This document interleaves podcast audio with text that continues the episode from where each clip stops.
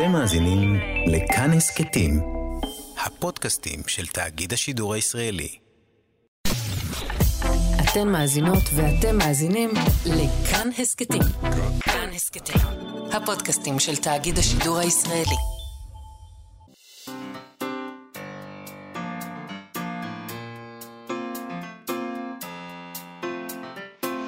מה שכרוך. עם יובל אביבי ומה יעשה לה. שלום, צהריים טובים, אנחנו מה שכרוך, מגזין הספרות היומי של כאן תרבות. כל יום כאן ב-12 בצהריים בשידור חי, אתם מאזינים לנו ב-104.9 או ב-105.3 FM. אפשר למצוא אותנו גם בהסכתים בכל שעה שתחפצו. איתנו באולפן איתי אשת על ההפקה וכן עוז על הביצוע הטכני. שלום לכם, שלום יובל אביבי. שלום, מה יעשה לה? תגיד, יובל, יש לך מה... אה, שמעת את החדשות? וואו. אנחנו שנינו יושבים פה, נכנסנו די זקופים, ואנחנו כבר uh, על הרצפה. כאילו מישהו אומר, אה, אני רואה שהם אה, בשלבי קריסה, אני אתן להם חדשות שהם יהיו המכה האחרונה. נזכרתי בזה ששמעתי שהכוכב של הפוג'יז מהמם. נשפט ל-20 שנה בכלא, זה נכון מה שאני אומר? מה היה משהו נכון. כזה? על ריגול זר לסין? נכון. ואתה אומר לעצמך, מי כותב את השטויות האלה? ואולי זאת הסיבה, תסריטאי חולה. אולי זאת הסיבה שהספרות, אומרים, כבר לא מושכת את הקהל הרחב. אבל הם טועים. אני נכון. חייבת להגיד לך, הקהל הרחב לנו- טועה. למשל, היום יש לנו יש- דוגמה זהו. מאוד מאוד טובה בדיוק, זה מה שאני רוצה לטעות להגיד. של הקהל הרחב. בוא גם, נדבר על גם הדבר אומרים, הזה. נגיד, המציאות יש לה כושר המצאה יותר מופרך אפילו מהספרות. אז הנה יש לנו הוכחה שלא, אנחנו נדבר היום עם אה, פאבל אלכסנדרוביץ' מובשוביץ' על הספר שלו. אה, זה נשמע כאילו, זה שם מאוד, אה, זה, זה נשמע כאילו אנחנו עומדים לראיין ברוסית. סופר רוסי. סופר רוסי, אבל הוא כותב בעברית, ומכאן, גם הסיפורים בספר הזה נשמעים כאילו הם אה, הסעודה האחרונה, הספר שיצא עכשיו בתשע נשמות. לא אמרתי את שמו, כי אני מבולבל. הסעודה האחרונה, נכון. הסעודה האחרונה בתשע נשמות, והסיפורים בספר הזה נשמעים כאילו נכתבו בספ... ברוסית, וזה מי... ממש מייצר קסם. יש לך תחושה של אה, מסיבה מאוד מופרעת, אבל. נכון. כי גם, וגם כיאה לשמו, אה, יש שם הרבה אוכל, אז יש לך, הוא מתאר דברים איומים ונוראים, ואז פתאום דגי חידקן ו- ו- ו- ו- ו- ונקניקיות שמתפתחות בפה, ויש תחושה של שיגועים, ואנחנו נדבר איתו על השיגוע הזה בקרוב. אולי רגע נקרא, את יודעת שבשרוול הפנימי של הכריכה, בתשע נשמות, הם כותבים אה, קצת על הבן אדם. על הסופר. על הסופר. ואתה אומר לעצמך, טוב, אני... מי זה האיש הזה? שהוא מכאן, אבל משם. כן, גם אה, לגבי אה, הסעודה האחרונה ופאבל אלכסנדרוביץ' מובשוביץ, אנחנו על אחת כמה וכמה אמרנו, מי זה? מי זה? איזה יופי. אז הנה מה שמספרים לנו עליו. פאבל אלכסנדרוביץ' מובשוביץ', אם אתם חייבים לדעת, הוא לא יבואן תבלינים. הוא נולד קצת שם וקצת כאן, בקיצור, שעמום גדול. גדל בסיר מים רותחים והעביר את חייו בזפת של גללים מקורמלים, כמו כולם וקצת כמו אף אחד. שני ספרי השירה שאולי כתב פתיתי שלג בחמסין, בחמסין ובולמוס הנשייה יצאו, או שלא, בהוצאת עיתון 79, פחות שנתיים אחרי שבהחלט לא סבל מהרעלת מזון חריפה. מעולם לא חווה אותנטיות אקזיסטנציאליסטית, משום שהתמקד ברעיונות דלוחים וחסרי כל ערך תזונתי. משקלו 333 תפוחים, אך עם אותו הוא מוכן לתרום אותם לנזקקים, זהו ספר המתכונים הראשון שלו. שזה קצת כמו שהוא כותב, אה, אה, יש בזה משהו, נכון? כן, כאילו, ב- וגם אתה, אתה אומר לעצמך, אני תשובות לא אקבל. נכון. אנחנו נדבר היום עם פאבל ולא נקבל ממנו תשובות. לא אולי. נקבל ממנו אולי. תשובות. אה, אולי נקבל תשובות מצור שייזף. צור כן. בדרך כלל נותן תשובות, אה, איתו אנחנו הולכים אה, במסע שיגועי בפני עצמו. אה, יהיה לנו ספר מסע בפינת ספרי המסעות שלו, ששם אנחנו נקבל אולי דברים יותר קונקרטיים, אבל נתחיל עם משהו מאוד קונקרטי. אני לא יודע, אולי לא קונקרטי מאוד. אני ישר מסתייג מעצמי. אני אוהב להגיד דברים נחרצים, ואז להסתייג מהם. נתחיל עם מכתב של קורט ונגוט שמצאנו בטוויטר. נכון. נויה מטלון סיפרה בטוויטר שבשנת 2006 מורה, אה, מורה, מורה כן. לספרות בתיכון בניו יורק ביקשה מהתלמידים שלה לכתוב לסופר מפורסם ולבקש ממנו עצה. קורט וונגוט היחיד שענה לדבר הזה, לפנייה, והיא צירפה שם את תשובתו, אז בוא נקרא אותה. תרגמנו, תרגמנו בכישרון מועט, תרגמנו. תרגמנו בכישרון מועט. יש לי שאלות, אני אשאל את המאזינים לגבי, אה, לגבי השאלות שלי בבקשה. אה, על תרגום. אבל ככה הוא כותב להם, תודה על מכתבכם החביב. אתם בהחלט יודעים איך לשמח ברנש חביב מאוד בשנות שקיעתו. שנת- קשיש מאוד. הוא לא אמר קשיש מאוד? ברנש אמר- קשיש מאוד. הוא אמר אולד גיזר. אה, אולד גיזר. אוקיי. גיזר וברנש, אני לא יודע אם אני... כן, ברנש זה יופי. אבל גיזר. גיזר יש לו איזה שפיל יותר... אה, לא יודע. ברנש, ברנש קשיש מאוד בשנות שקיעתו, גם שנות שקיעתו. אגב, 2006, אה, הוא- הוא היה הוא 80. מת אה, שנה לאחר מכן. כן, הוא היה הוא קשיש, הוא היה קשיש. מאוד, ברנש קשיש. והנה תראי מה הוא כותב, הוא כותב להם אחרי זה. אני אה, הפסקתי להופיע בציבור, כי אני נראה עתה יותר מכל כמו איגואנה. Mm. סיבה לא להופיע בציבור. מה, לי, מה שהיה לי להגיד לכם לא ייקח זמן רב, הוא כותב להם. בצעו כל אומנות, מוזיקה, שירה, ריקוד, משחק, ציור, רישום, פיסול, שירה, פרוזה, מאמרים, דיווחים, לא משנה אם בצורה טובה או רעה, לא כדי לקבל כסף ותהילה, אלא כדי לנסות, להתנסות בהתהוות, לגלות מה בתוככם, כדי לגרום לנפשכם לגדול. ו- והתהוות זה גם כן, זה נשמע לי מילה גדולה, הוא כותב becoming פשוט. Mm. אה, התהוות זה נשמע פילוסופי, אבל הוא כותב את זה מאוד ארצי. ואז הוא כותב כך, ברצינות, אני מתכוון החל מעכשיו, עשו אומנות ועשו אותה לשארית חייכם. ציירו ציור נחמד או מצחיק של מרת לוקווד, זה המורה, ותנו לה אותו. רקדו בבית אחרי בית ספר, שירו במקלחת וכן הלאה. אה, תיצרו פרצוף מפירי תפוחי האדמה. דמיינו שאתם הרוזן דרקולה. הנה משימה להערב, אני מקווה שמרת לוקווד תכשיל אתכם אם לא תעשו אותה. כתבו שיר בין שש שורות, על כל דבר, אבל בחריזה. אין טניס טוב בלי רשת, אני, אני לא יודע אם התכוונתי את זה טוב. זה כאילו הוא אומר שכדי לעשות משחק טוב אתה צריך מגבלות, זה ה... זה ה... נראה לי, כן. צריך אה, שיהיה באמצע, אפשר יהיה אני להתקשר. תרגמתי את זה כלשונו, את המשפט הזה, לא הכרתי אותו. אני, אני, אני סבור שיש סיכוי שהוא המציא אותו, כי הוא היה, הוא ידע להמציא בשפה. תעשו את זה טוב ככל יכולתכם, אבל אל תגלו לאף אחד מה אתם עושים. אל תראו את זה לאיש או תדקלמו בפני אה, מישהו. אפילו לא לחברה שלכם או להורים שלכם או מי שזה לא יהיה, או מרת לוקווד, אוקיי? ואז תקראו את זה לחתיכות קטנות, פזרו את זה בפחי זבל נפרדים. תגלו שכבר מעצם זה קיבלתם תמורה מופלאה. התנסיתם בהתהוות, למדתם הרבה יותר על מה שבתוככם וגרמתם לנפשכם לגדול. אלוהים יברך את כולכם. זה קצת, זה קצת ניו אייג'י, כל העסק הזה. כן. לא הייתי מצפה לזה ממנו. גם איך אתה אמור, איך מרק לוקווד אמורה לדעת האם הם עשו את זה, או רק אומרים שהם עשו את זה? הם יכולים לי רק להגיד שהם עשו את זה, אבל אז הם הפסידו, כי הם לא התהוו, אתה מבין? הוא מסביר להם פה שזה בשבילם, זה לא בשביל מישהו, זה לא בשביל שמישהו יראה את זה, יובל. אז מה זאת אומרת איך היא יכולה לדעת? הם, אתה יודע על עצמך, אם כן. עשית והפכת להיות מישהו או לא. באמת, כל דבר צריך להסביר לך. האם את באמת חושבת נו. שאומנות גדולה צומחת כאשר אתה עושה אותה רק בשביל עצמך? אני חושב שיש ערך ברצון אנחנו לא מדברים פה על שיראו אמנות גדולה, אנחנו דברים. מדברים פה על ילדים שהוא עונה להם, והוא מציע להם לעשות כל מיני דברים בשביל עצמם, לא בשביל להראות למישהו, לא בשביל המורה, לא בשביל ההורים. אתה מבין את זה? אתה ממש. ממש ממש מנסה שלא להבין את מה שהוא ניסה להגיד להם. אני הבנתי היטב מה הוא מנסה להגיד להם, אבל אני חושב שגם אה, בידיעה שמישהו יקרא את מה שאתה כותב, יש אה, גדילה. כי אז אתה כותב, אתה, אתה עושה את זה טוב יותר, אולי. לפעמים. אתה, תראה, תחשוב או- על הילד או, הזה. או רע יותר, או רע יותר. תחשוב על הילד הזה, שהוא בעצם אומר לילדים האלה, אה, אולי אתם לא עושים את זה עכשיו, כי אתם מפחדים מהמבט של כל מיני אנשים, כן. ואתם מפחדים מביקורת. עזבו את השטויות האלה עכשיו. כן. תעשה את זה, ואחרי זה תקרא את זה ותפזר את זה. אף אחד לא יראה בחיים מה עשית. נכון. כן, זה נכון. מה שהוא אומר להם. נכון. זה מאוד שונה ממה שאתה מדבר עכשיו על אומנות גדולה. אנחנו נכון. לא מדברים פה על אומנות גדולה, זה נכון. לא העניין. נכון. זה לא הסיפור שלו. נכון, לשיר במקלחת זה תמיד טוב. כן, אני לא יודעת, במקרה שלך, כי שמעתי אותך מזמזם פה ושם, אבל בסדר. אה, שופכת את דמי.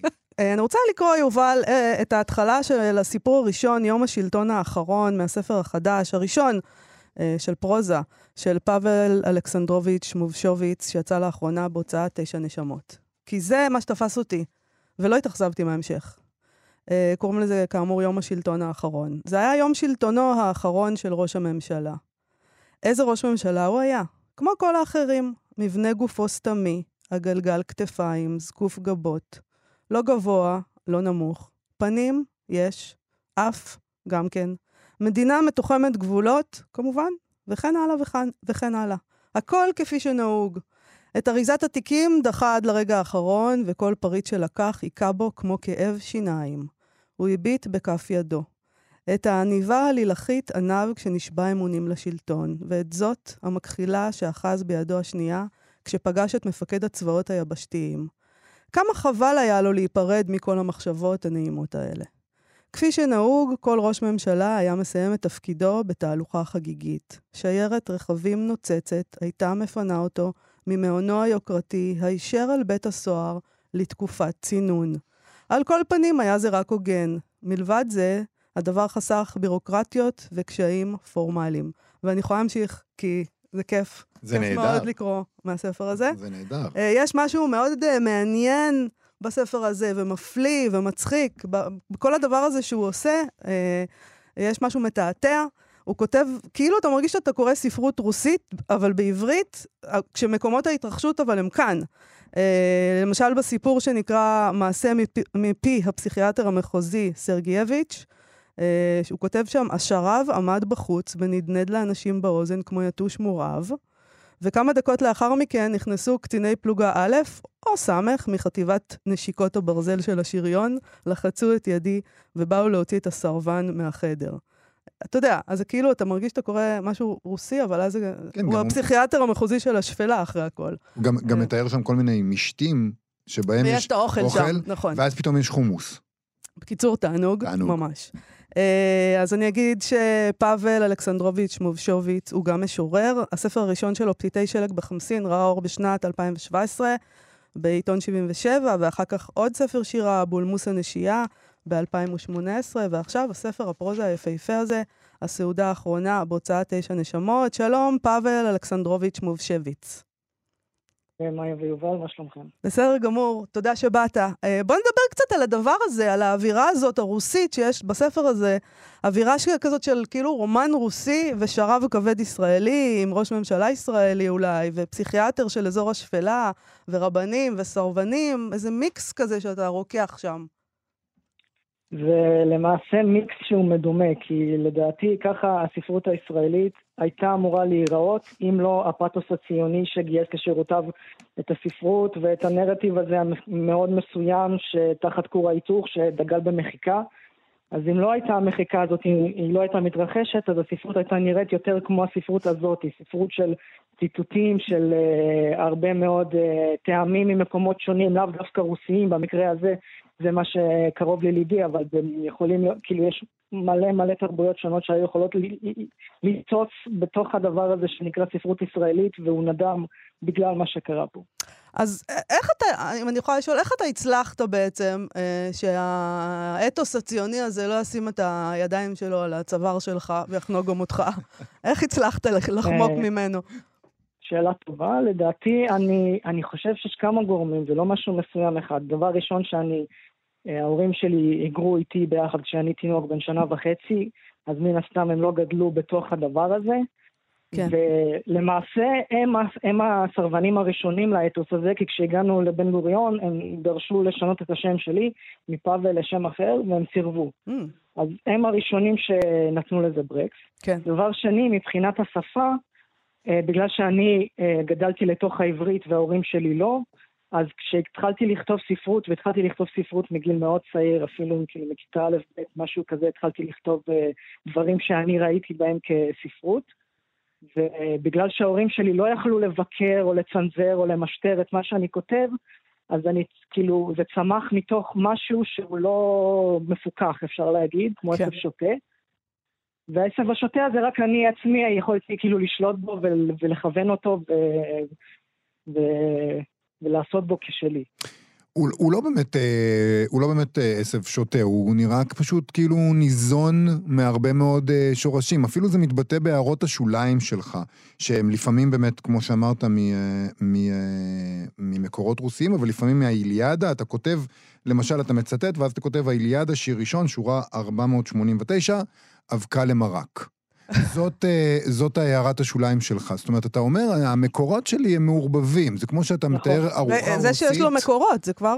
כי אתה, אתה מרגיש שאתה קורא ספר של אדם שפשוט קורא נכון. ספרות. אבל גם נגיד העניין הזה שאתה מתאר ארוחה רוסית, ופתאום אתה מדבר שם על זה שמנגבים חומוס. זאת אומרת, אתה אומר, הכל מתערבב פה. נכון, זה חלק, מה, חלק מהסגנון של הספר, גם הערות שוליים, שניסיתי לעשות להן הזרה מסוימת מה, מהבנאליות שבדרך כלל חושבים שהערות שוליים צריכים לרפרר רק למשהו ש...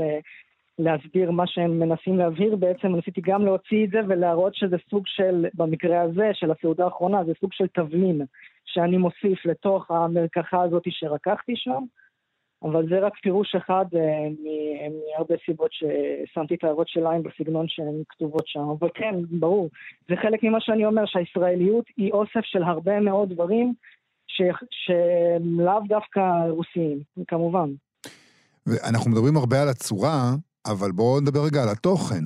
כי אתה יודע, אנחנו דיברנו כאן על האווירה הקרנבלית שיש הרבה, הרבה פעמים, אתה עושה כל מיני אתנחתות קומיות של אה, סעודות, אבל בין האתנחתות האלה אתה מדבר על דברים רציניים, על רפורמות במערכת המשפט, על צבא, על, אה, על אה, אשפוזים פסיכיאטריים. זאת אומרת, אתה מדבר מאוד אתה מדבר על דברים מאוד עקרוניים בציבוריות הישראלית, אפילו נקרא לזה אקטואליים, ונראה כאילו הצורה והרוסיות הזאת, זה מה, ש... זה מה שמאפשר אולי, שיחליק לנו בגרון הדבר הזה. יכול להיות, אבל הדברים הרציניים האלה שכתבתי שנראים אקטואליים היום, כתבתי אותם לפני חמש-שש שנים, זה לא שזה, mm. חיכיתי, חיכיתי שיהיה את הרפורמה המשפטית או המהפכה המשפטית וכל מה שזה עושה בחברה כדי לכתוב את זה, אבל אה, כן, זה היה זה היה פה מתמיד, זה מאז ומתמיד, מאז הכיבוש למעשה שגרם לכל מה שזה גרם בחברה, ושזה יתפרץ עכשיו, אני מקווה, במחאות, אז כן, זה בא לידי ביטוי בספר, כמובן, אני גדלתי פה, אני לא גדלתי במקום אחר. בוא נדבר קצת על סוסים. אה, במוטו של הספר יש שלושה ציטוטים, אחד של לואיס קרול, אה, של ולדימיר סורוקין ושל פלאן אובריין, ויש פה, פה עניין עם סוסים, אני רוצה להבין את העניין שלך עם סוסים. אה, של ולדימיר סורוקין זה ממרק סוס. נכון. בוא תספר לנו קצת העניין עם הסוסים. המוטואים של הספר זה פשוט היה לי, נראה לי, קודם כל לאכול סוס זה היה נראה לי משהו אקזוטי מאוד, שאני לא יכול לדמיין איך מישהו עושה את זה, זה היה כן. נראה לי נחמד להביא את זה כמוטו לספר שמדבר על סעודות מאוד מטורפות. אז זה אחד. ואחרי זה, כש, כשאתה מגיע לציטוט מהשוטר השלישי של פלאן אובריין, שהוא מדבר על זה שסבא שלו בעצם אה, עד, גיל 80, עד גיל 87 חשב שהוא סוס, זה מביא את ה... את, את, את ה צריך לחשוב מחדש על כל מה שקראת לפני כן. ואני חושב שזה גם מפתח להבין איך לקרוא את הספר הזה, כי אתה קורא בעצם משהו, ורק כשאתה מגיע לאיזושהי נקודה, אתה מבין שמה שקראת הוא לא באמת מה שקראת. ו... וזהו, זה חלק ממהלכים, ממהלכים פש, פרשניים שאני מנסה ל, לעזור לקורא, ל, לראות שהוא אה, לא ילך לאיבוד לגמרי. זה קצת מזכיר לי קטע בס... אחר בספר, שבו מוגש, מוגש אה, מרק, עם, מרק או כיסונים, כיסונים כלשהם, לאיש אה, צבא, שזה בתוך מחזה. שנכלל בספר, אה, והוא, האיש הזה מוגדר כצבא, זה שמו, הצבא. ואז נרמז לו שמה שהוא עושה זה קניבליזם, ואז כולנו חושבים לרגע, שבתוך הכיסונים האלה יש בשר אדם, ואז אתה עושה לנו איזה מעטלה קטנה, מאוד, זה קצר, אני לא רוצה לעשות את הספוילר, אבל מגלים את זה מיד אחר כך. אבל גם כן, זאת אומרת, מה שנראה אה, כמו הדבר עצמו, הוא אולי משהו קצת שונה. אתם מדמיינים לעצמכם את הדבר הנורא, הצבא מדמיין את הדבר הנורא, מה שהאמת היא, הוא, היא שונה. נכון, והיא נורא, נורא לא פחות למי שזה חשוב לו, במקרה הזה. אבל בכל מקרה, כן, יש פה מעטלות על מעטלות, ולמה עשיתי את זה? אני צריך להיכנס למימד הפרשני שאני לא רוצה לעשות את זה, mm-hmm. כי, אני, כי אני לא רוצה... אה, אני מעדיף שיתייחסו לספר הזה כאילו שהסופר שלו מת. ויש את הספר, ומה שהספר אומר או מה שהוא אומר, מה שהסופר אומר בכלל לא חשוב, לפחות לתפיסתי. אבל כן, יש פה הרבה מעטלות על מעטלות, וגם הדימוי של הספר שנמצא על הכריכה, האם מסתכלים עליו פעם אחת, חושבים שהוא נראה כמו משהו מסוים, ואם מתבודדים בו היטב, אז מגלים אימה מסוימת, לדעתי. אני רוצה, אני רוצה לשאול אותך על השירה, כי הוצאת כבר שני ספרי שירה, כן. הנה אנחנו עכשיו בפרוזה, אז איפה אתה, איך אתה זז בין שני הדברים האלה, שירה והפרוזה? אה, האמת שזה די במקביל וזה תלוי במה אני, בתקופה ובמה אני מנסה לכתוב או להגיד. אם אני רוצה להיות יותר נגיש, אז אני עובר לפרוזה, כי לדעתי זה טיפה יותר נגיש מהשירה, שלי לפחות. וזה גם נכתב די במקביל, פשוט לקח לי הרבה מאוד זמן למצוא מישהו שיהיה מוכן, שיהיה לו את האומץ בעצם להוציא את הדבר הזה. מהמם. אז אה, זה לא שזה משהו ש... אה, כאילו לקח הרבה זמן להתבשל איתו, אלא זה התבשל די במקביל, וזה תלוי מה אני מנסה להגיד. אתה יודע, זה, זה ספר, תשמע, זה נשמע מצחיק להגיד את זה אולי, אבל אה, זה ספר שהוא fun, זה ספר כיפי אה, לקריאה, זה לא, זה לא, זה, אתה אומר אה, מישהו שיסכים להוציא את זה, זה ספר שאולי, אני לא יודע... נו, אתה לא יודע מה מצב אני המו"לות יודע עכשיו. מה מצב המו"לות, אבל צריך להגיד את זה, כי זה נשמע כן. כמו, זה, זה ספר שאתה קורא אותו, והוא fun, זה לא מילה גסה. או, אתה גם צוחק וגם מרגיש שדקרו אותך. בהחלט, בהח- בהחלט בדיוק זה, זה כמו לקרוא משהו ואז אתה מגלה שיש שם ערימה של נחשים מתחת לדבר. הזה שעומדת. להקיש. אז בדיוק זה, אבל, אבל למרות מה שאתה אומר יובל, שאני מודה לך מאוד על המילים היפות, עובדה שאף אחד כמעט ולא רצה להוציא את הספר הזה, כי הוא כנראה לא, לא עובר את הצנזורה, את הצנזורה הקפיטליסטית מספיק. כן. מזל אני- שיש את תשע יכולה נשמות. להבין, אבל אה, כן, ממש- מזל שיש את אוריאל מזל. כהן, תשע נשמות. אנחנו נגיד שוב, הסעודה האחרונה. פאבל אלכסנדרוביץ' מובשוביץ, תודה רבה לך על השיחה הזאת ועל הספר הזה. תודה רבה לכם ובתיאבון. להתראות. עכשיו, דרך הספר. אנחנו מה שכרוך בכאן תרבות, כפי ששמעתם חזרנו אל אה, דרך הספר, הפינה שלנו עם הסופר ואיש המסעות צור שייזף, גם הוא שלנו, גם הפינה שלנו וגם צור שייזף הוא שלנו, לגמרי. שלום צור. צור איתנו? שלום וברכה, גם קפלן. כן, כן, אני איתכם, שומע אותי? שומע היטב עכשיו. יובל? כן, כן, כן. אוקיי, בסדר. לא, רציתי להזכיר לך שגם קפלן שלנו, לא רק אני. כל, ה, כל המדינה שלנו, ולא רק קפלן, של אתם כו- נשמעים זוועה, בדיוק. תפסיקו, תפסיקו. כולנו, אבל- של כולנו, של כל אה, הישראלים. של כולנו, אה, בסדר גמור. של כולנו. טוב. אני. שווייץ. אז, אה, צור, על מה נדבר היום? כן. על יקומים מקבילים, אה, שזה בעצם, אני חושב שבמובן מסוים זאת ישראל שהצמיחה את המחאה. זה ספר גדול, יפה ומאוד מעניין, ספר מסע בין קהילות. אה, אורנה סוסק כתבה אותו והוא יצא בהוצאת בבל, ובספר הזה היא נוסעת במשך תקופה, אני לא יודע להגיד בדיוק כמה, אבל זה בטח יותר משנה, היא נוסעת בין כל הקהילות המיוחדות שיש במדינות ישראל, אנחנו היינו קוראים להם אולי קהילות אלטרנטיביות בזמנו, אבל אלה דברים שהתפתחו נניח ב-60 שנים האחרונות במדינת ישראל. חלק אנחנו מכירים, חלק אני חושב שאנחנו פחות מכירים, וזה ספר מרתק, כי הוא בעצם מראה איזו מין תמונה לישראל שאנחנו לא מכירים ונמצאת פה. אז יש מקומות שאנחנו מכירים הרבה מאוד שנים, כמו אה, יודפת, וכמובן נאות שמדר, ואולי אנשים גם שמעו על הרדוף, ואורנה עצמה מגיעה מחוקוק, שגם שם אה, התחילה להתפתח קהילה כזאת, או יש קהילה כזאת מזה למעלה מ-30 שנה, אבל היא גם מגיעה לעוד הרבה מאוד מקומות אחרים, והיא עושה את זה, מתארת את עצמה בתור נוודת לקטית, והיא מסתכלת מה, מהעולם הזה. עכשיו, למה הזכרתי את קפלן בהתחלה? מכיוון שהקהילות האלטרנטיביות הן קודם כל קהילות. הן קודם כל חיות ביחד ומשתפות פעולה לטובת איזשהו רעיון. והשבוע אנחנו חזינו בשתי הפגנות אה, גדולות, כל אחת מצד אחר של הטבלה הפוליטית, וגם שמה בעצם יש שיתופי פעולה קהילתיים שהולכים לכיוון של רעיון ופעולה אזרחית שאינה נסמכת על המדינה. עכשיו צריך לזכור שהקהילות האלה גם מסמלות איזשהו תהליך שקורה בתוך מדינת ישראל. כי אני מניח שעד אזור שנות ה-70, פחות או יותר, אמצע שנות ה-70, אנחנו היינו מדינה אחת, עם רעיון אחד, עם איזה רעיון שהמדינה תשמור עלינו, תטפח אותנו, ובתוכה בנינו איזה קהילות מגודרות שקראנו להם קיבוצים ומושבים, ואולי גם החבר'ה הדתיים מהשערים, החרדים יותר, הם היו גם כן סוג של קהילות מגודרות שחיו בתוכם לאור איזשהו רעיון, ומתישהו העניינים האלה, פחות אצל החרדים, אבל אולי גם אצל החרדים, אבל בטוח שבחברה הציונית-ישראלית הדברים האלה מתחילים להתפרק. ואז אנשים צעירים מתחילים בעצם לחפש כל מיני דברים. ואחד היישובים הראשונים שקם זה יודפת. יודפת זה אנשים שהיו אה, תלמידיו של מורה בחיפה, בשם שכטר.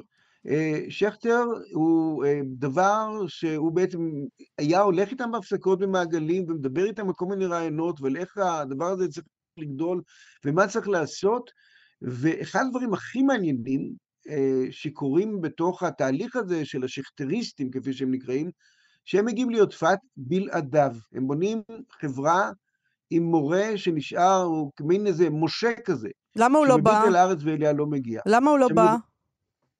כי הוא, הוא, חשב לא, הוא חשב שזה לא נכון שהוא יבוא, הוא חשב mm. שזה, שהם צריכים להסתדר לבד, הם צריכים לגדול לבד, ואת עולה פה על איזושהי שאלה שהיא מאוד מאוד חשובה, ואורנה גם מתעסקת בה בספר, והיא שאלת הגורו, או כן, המורה. כן. כי בהרבה מאוד מקומות אה, שקמו בארץ, היו מורים, אה, נגיד יוסף ספרא בנאות סמדר, היו כמובן בהרדוף, ויש את מי שהקימו את אה, נווה שלום, במקומות אחרים, ובחלק גדול מהמקומות, כולל כדרך אגב, אם אני מבין בין השורות, גם בחוקוק, הייתה פגיעה.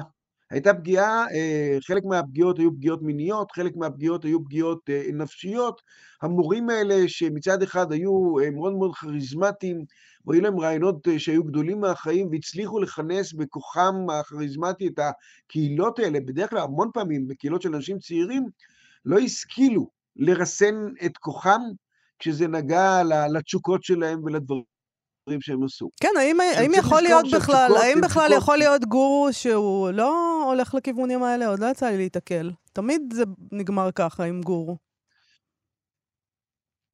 אמ, אני חושש שאת צודקת, אני לא יודע, אני בן אדם חסר גורואים, mm-hmm. ובמקרה היחיד שנגיד הייתה לי חברות ארוכת שנים עם מישהו שהיה מאוד מאוד דומיננטי, אז גם שם עלה העניין הזה, ואני הצטרכתי לרסן אותו, אבל זה, זה באמת נושא שהוא, תראי, אנחנו בני אדם, התשוקות כן. שלנו הן תשוקות קיימות, אני לא חושב שניתן להפריד אי פעם בין התשוקה המינית אה, והדומיננטיות, נקרא לזה הגברית, שנוגעת גם ל... לנשים וגם לגברים, זאת אומרת, מבחינת התשוקה, ובין היצירתיות, לא סתם בעברית יצר ויצירה הם אה, מאותה מילה. אמ, אבל, אז זאת הערת אגב שנוגעת לדבר הזה, אבל יש עוד דברים נורא יפים ביודפת, כי יודפת נורא הרשים אותי. יודפת הוא מין יישוב אליטיסטי, אבל כשהם עולים על הקרקע, הם לוקחים את הדוגמה שלהם מהבדואים שגרים בסביבה. והם מבשלים על מדורות, והם לומדים את השפה, הם לומדים את הערבית בתור הכרח, בתור דבר שצריך לעשות אותו, ואין להם גדר, והם בעצם הופכים להיות איזו מין קהילה מאוד מאוד אה, אדוקה בקשר שלה עם סביבה ועם תרבות.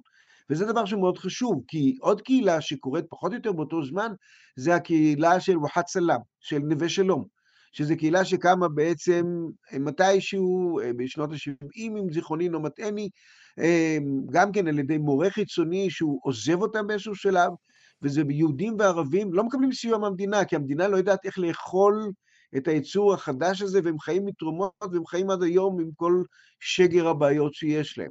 עכשיו, נאות סמדר זה עוד דוגמה נפלאה, נאות סמדר זה יישוב שקיים, אני מעריך, משהו כמו קרוב ל-40 שנה, ו- ואורנה ממציאה בתוך הספר הגדול והיפה הזה, היא ממציאה שם איזה מינוח נורא מעניין, שבו היא מדברת על אברהמים, יצחקים ויעקבים. זאת אומרת, אברהמים זה הדור המייסד, היצחקים זה אלה שבעצם לתוך העניין הזה זה גורים בעול, והיעקבים שהם באים ומשנים.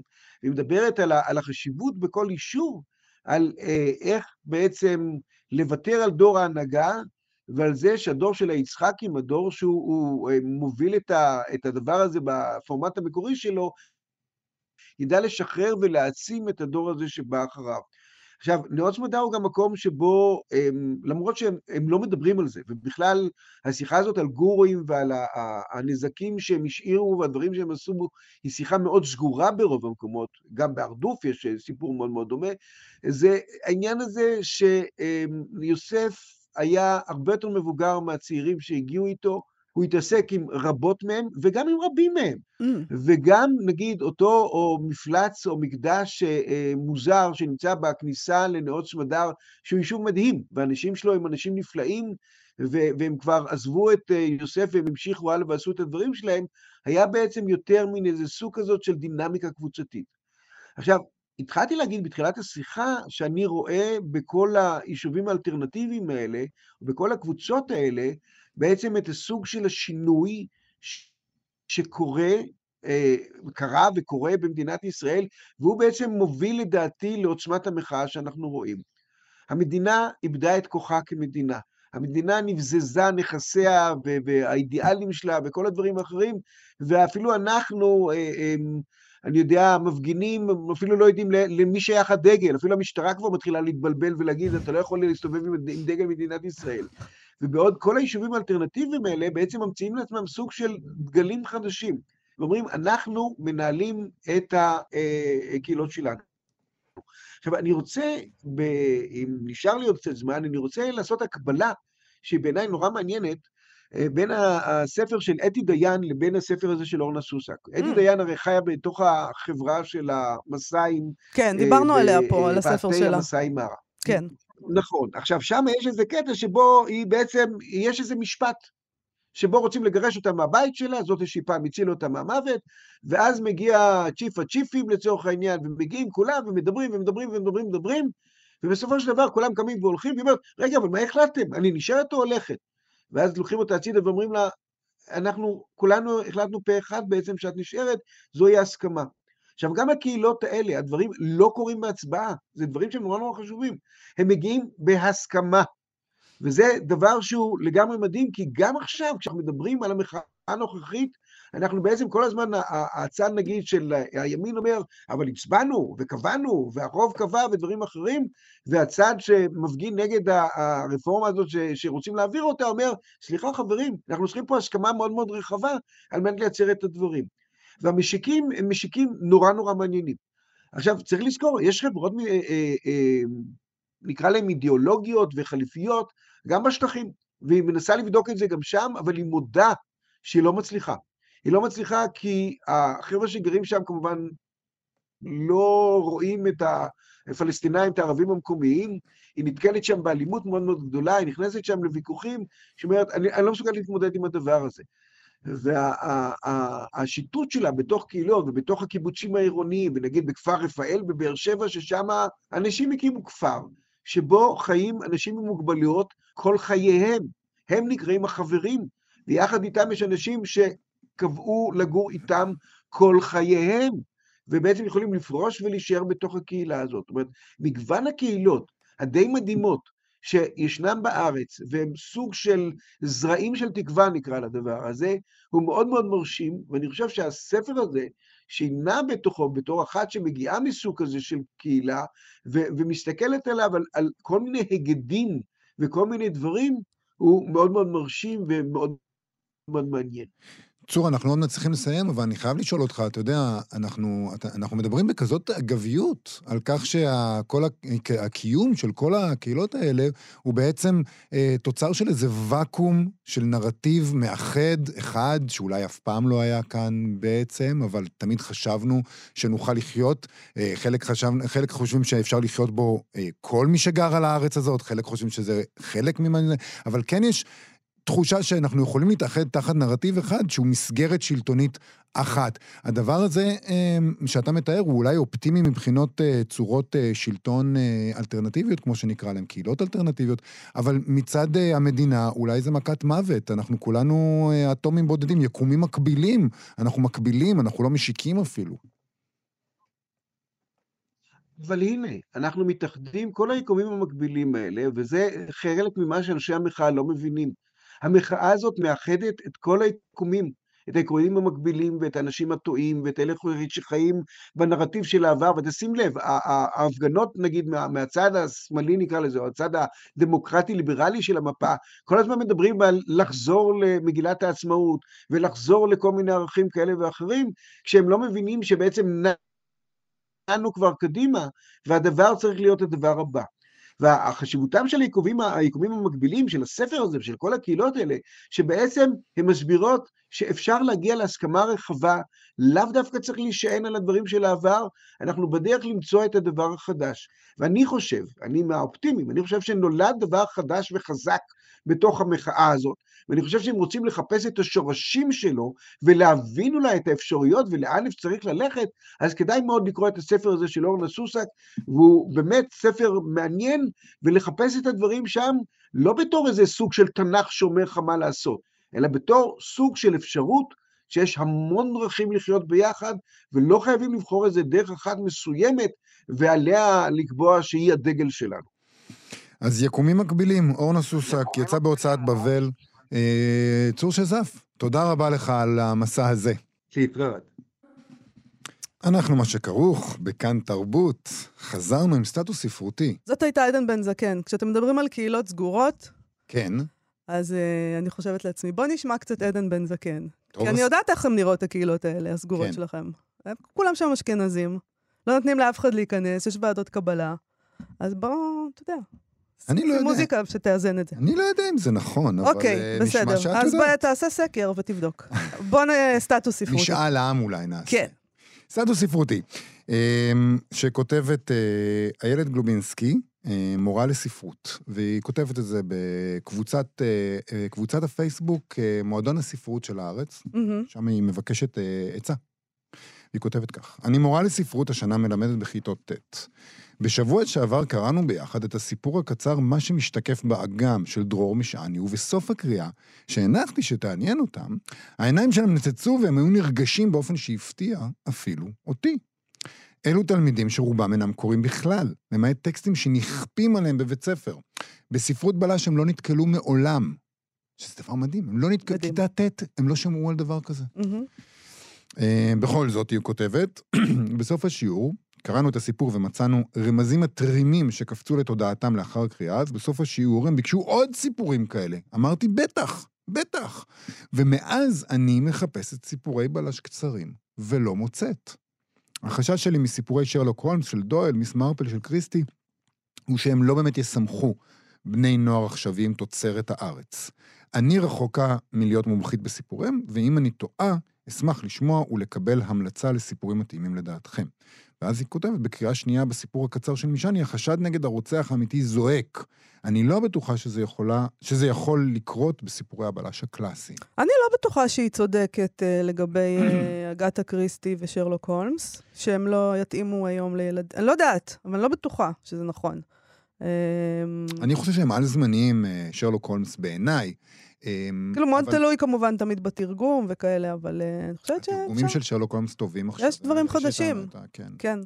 אבל. אה, אבל מה שמעניין זה שהיא אומרת בעצם, תנו לי עוד אה, ספרי בל... סיפורי בלש קצרים. שנכתבו נגיד על ידי סופרים וסופרות ישראלים לאחרונה. זאת אומרת, שידברו בשפה של, אה, שאנשים מבינים, שידברו על דברים שקשורים לחייהם, שיהיה בהם טלפונים סלולריים, שזה דבר שתמיד מעצבן. למה? למה צריך שיהיה בהם טלפונים סלולריים? פעמים, נגיד, כי אתה אומר, אני רוצה את העולם שיש לילדים בני... למה אתה, ח... למה אתה חושב שילדים יכולים לקרוא משהו ולהבין אותו ולהתחבר אליו רק אם אני יש לא- בו את העולם שהם מכירים? זה לא מה שאני אומר, אני אומר, לפעמים אתה... זה מה שאני קורא בשאלה שלה, היא אומרת, סיפורי בלש קצרים עכשוויים כאלה, Mm. כמו של דרור משעני, למשל, סתם אני נותן דוגמה, שנכתבו עכשיו, שמדברים את השפה הזאת, והיא לא מוצאת.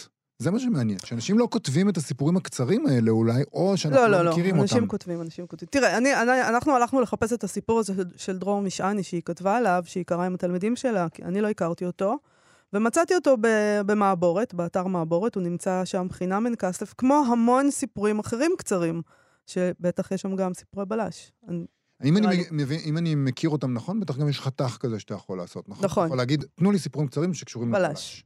אז אה, אפשר לנסות שם, אבל מהמם. אה, אנשים עדיין כותבים בלש. כן, אין לא, שום סיבה ברור. שלא יהיה. אה, אז חשבתי, אולי בוא נקרא קצת, נבין מה, ממה הם התלהבו, הילדים האלה. קצת. אנא. ובכן, זאת ההתחלה. זאת הייתה החקירה האחרונה שניהל רב פקד פסארו, אבל הוא לא ידע זאת אז, כשהשתהה במשך רגע קצר מול הדלת הסגורה, לפני שנכנס לחדר בצעד מהיר שנועד להסתיר את סערת הנפש שהיה נתון בה. כשהדלת נפתחה והחדר נפרס לפניו, ראה פסארו מבעד לחלון הרחב את פני האגם מבריקים באור השמש השוקעת, ואת היער המקיף אותם, שחושך זחל בנציו הגבוהים. על שפת האגם היו אמבולנס ושלוש ניידות משטרה ואוהל מז"פ ארעי, שממנו יצא פסארו דקות אחדות קודם לכן, כשלא היה יכול להתבונן עוד בגופה שנמשתה מן המים. שוטר צעיר הופקד על שמירת החדר, וכשפסארו שאל אותו לשמו, ענה השוטר בקול נרגש, מרטין, כלומר, סמל מרטין ברנדל, אדוני. ממתי אתה פה, ברנדל? סליחה, אדוני? מתי הגעת לכאן, לחדר הזה? הוא היה גבוה בשני ראשים מפסארו, רזה מאוד וחיוור, וקולו רעד כשענה לשאלות ששאל מפקד האגף לחקירת פשעים חמורים. ב-12 בערך, אמר. הכאב שהתפשט בראשו היה בו בזמן עמום וחד. בלתי נסבל. הוא רצה להישאר לבד בחדר. הוא אמר, ברנדל, אני רוצה שתברר בכמה חדרים בבית המלון יש חלון או מרפסת שפונים לאגם, ובכמה מהם היו הבוקר אורחים. תבקש רשימה עם שמות האורחים ומספרי טלפון. אחר כך אתה יכול לחזור לתחנה. זה היה אחד הדברים הראשונים שהבין בשעות הצהריים כשהוזעק לזירה. ייתכן שמישהו מהדיירים בבית המלון ראה את מה שקרה על שפת האגם. כמובן, אדוני, אמר ברנדל, אני גם יכול לגבות מהאורחים עדות. הוא לא רצה שברנדל ידבר עם איש, הוא רצה לדבר עם האורחים בעצמו. אף שלא עצם עין בשני הלילות הקודמים, ניהל פסארו את החקירה בדיוק כפי שניהל אין ספור חקירות אחרות בשלושים שנותיו במשטרה, רבות מהן חקירות רצח. בקור רוח ובשיטתיות. מלבד איתור עדים פוטנציאליים, צריך היה לערוך בחדר חיפוש. ואולי מישהו הורה לברנדל או לאידיוט אחר לחטט במגירות לפני שהספיק לעשות זאת בעצמו? הוא שאל, מישהו ערך כאן חיפוש? וברנדל אמר, המפקחת וייבל, אדוני, תרצה שאני אעשה חיפוש נוסף? מה בעצם הוא קיווה למצוא? הוא הקשיב לברנדל מתרחק במסדרון, וכששמע את השוטר הגמלוני נכנס למעלית, נעל את הדלת והשתרע על המיטה. אילו היה נשאר כך עוד דקות אחדות, אולי היה נרדם. רוח קרירה שיחקה בווילונות, בווילונות הלבנים. הוא קם והדליק את כל האורות בחדר, כי השמש הוסיפה לשקוע, והשמיים התכסו חשיכה וענני גשם. מגירות השידה שליד המיטה היו ריקות, ומתחת לכריות הוא לא מצא דבר. בארון הקיר סודרו בגדי הזוג במדפים נפרדים. בצד ימין בגדיו המעטים של הבעל, ובצד שמאל הבגדים שלה, ופסארו הוציא בידו אחת את החולצות, והשמלות, והחצאיות הארוכות, והלבנים, וערך אותם על המיטה. בגלל ידו החסרה, הוא החזיר אותם למקומם בקושי, ואחר כך חיפש את המזוודה שלה, ומצא בתוכה שלושה ספרים, שניים באנגלית ואחד בצרפתית. שקית קטנה עם כמה אריזות תרופות וחגורת אור אדומה. היכן מחביאות נשים את מה שהן לא רוצות שיימצא? למרות המוניטין שלו, על השאלה הזאת לא הייתה לפסארו תשובה. שזאת אולי התעלומה האמיתית פה, מלבד uh, מי רצח את האישה הזאת באגם. מה נשים רוצות? היכן מחביאות נשים את מה שהן לא רוצות שיימצא? כן. Uh, זאת uh, תעלומה באופן כללי, אבל uh, אני מבין uh, למה זה משך אותם לקרוא, ולמה זה הלהיב אותם. זה כתוב uh, נהדר. זה משה, ואתה רוצה לדעת, uh, אתה רוצה לדעת את הסוף. Mm-hmm. עם התהייה הזו, אתם יכולים לגלות. Uh, תלכו ל... כן, מעבורת, תכתבו. פרויקט הסיפור הקצר. Mm-hmm. כל שם. אתם תגלו. ועם זה אנחנו נסיים להיום. נגיד uh, שעל ההפקה שלנו היה איתי אשת, על הביצוע הטכני חן עוז, ונזמין אתכן ואתכם לעמוד הפייסבוק שלנו, תבקרו בו מה שכרוך, תחפשו את זה בפייסבוק, אנחנו נהיה פה שוב, מחר, להתראות. אתן מאזינות ואתם מאזינים לכאן הסכתים. כאן הסכתים, הפודקאסטים של תאגיד השידור הישראלי. אתם מאזינים לכאן הסכתים. הפודקאסטים של תאגיד השידור הישראלי.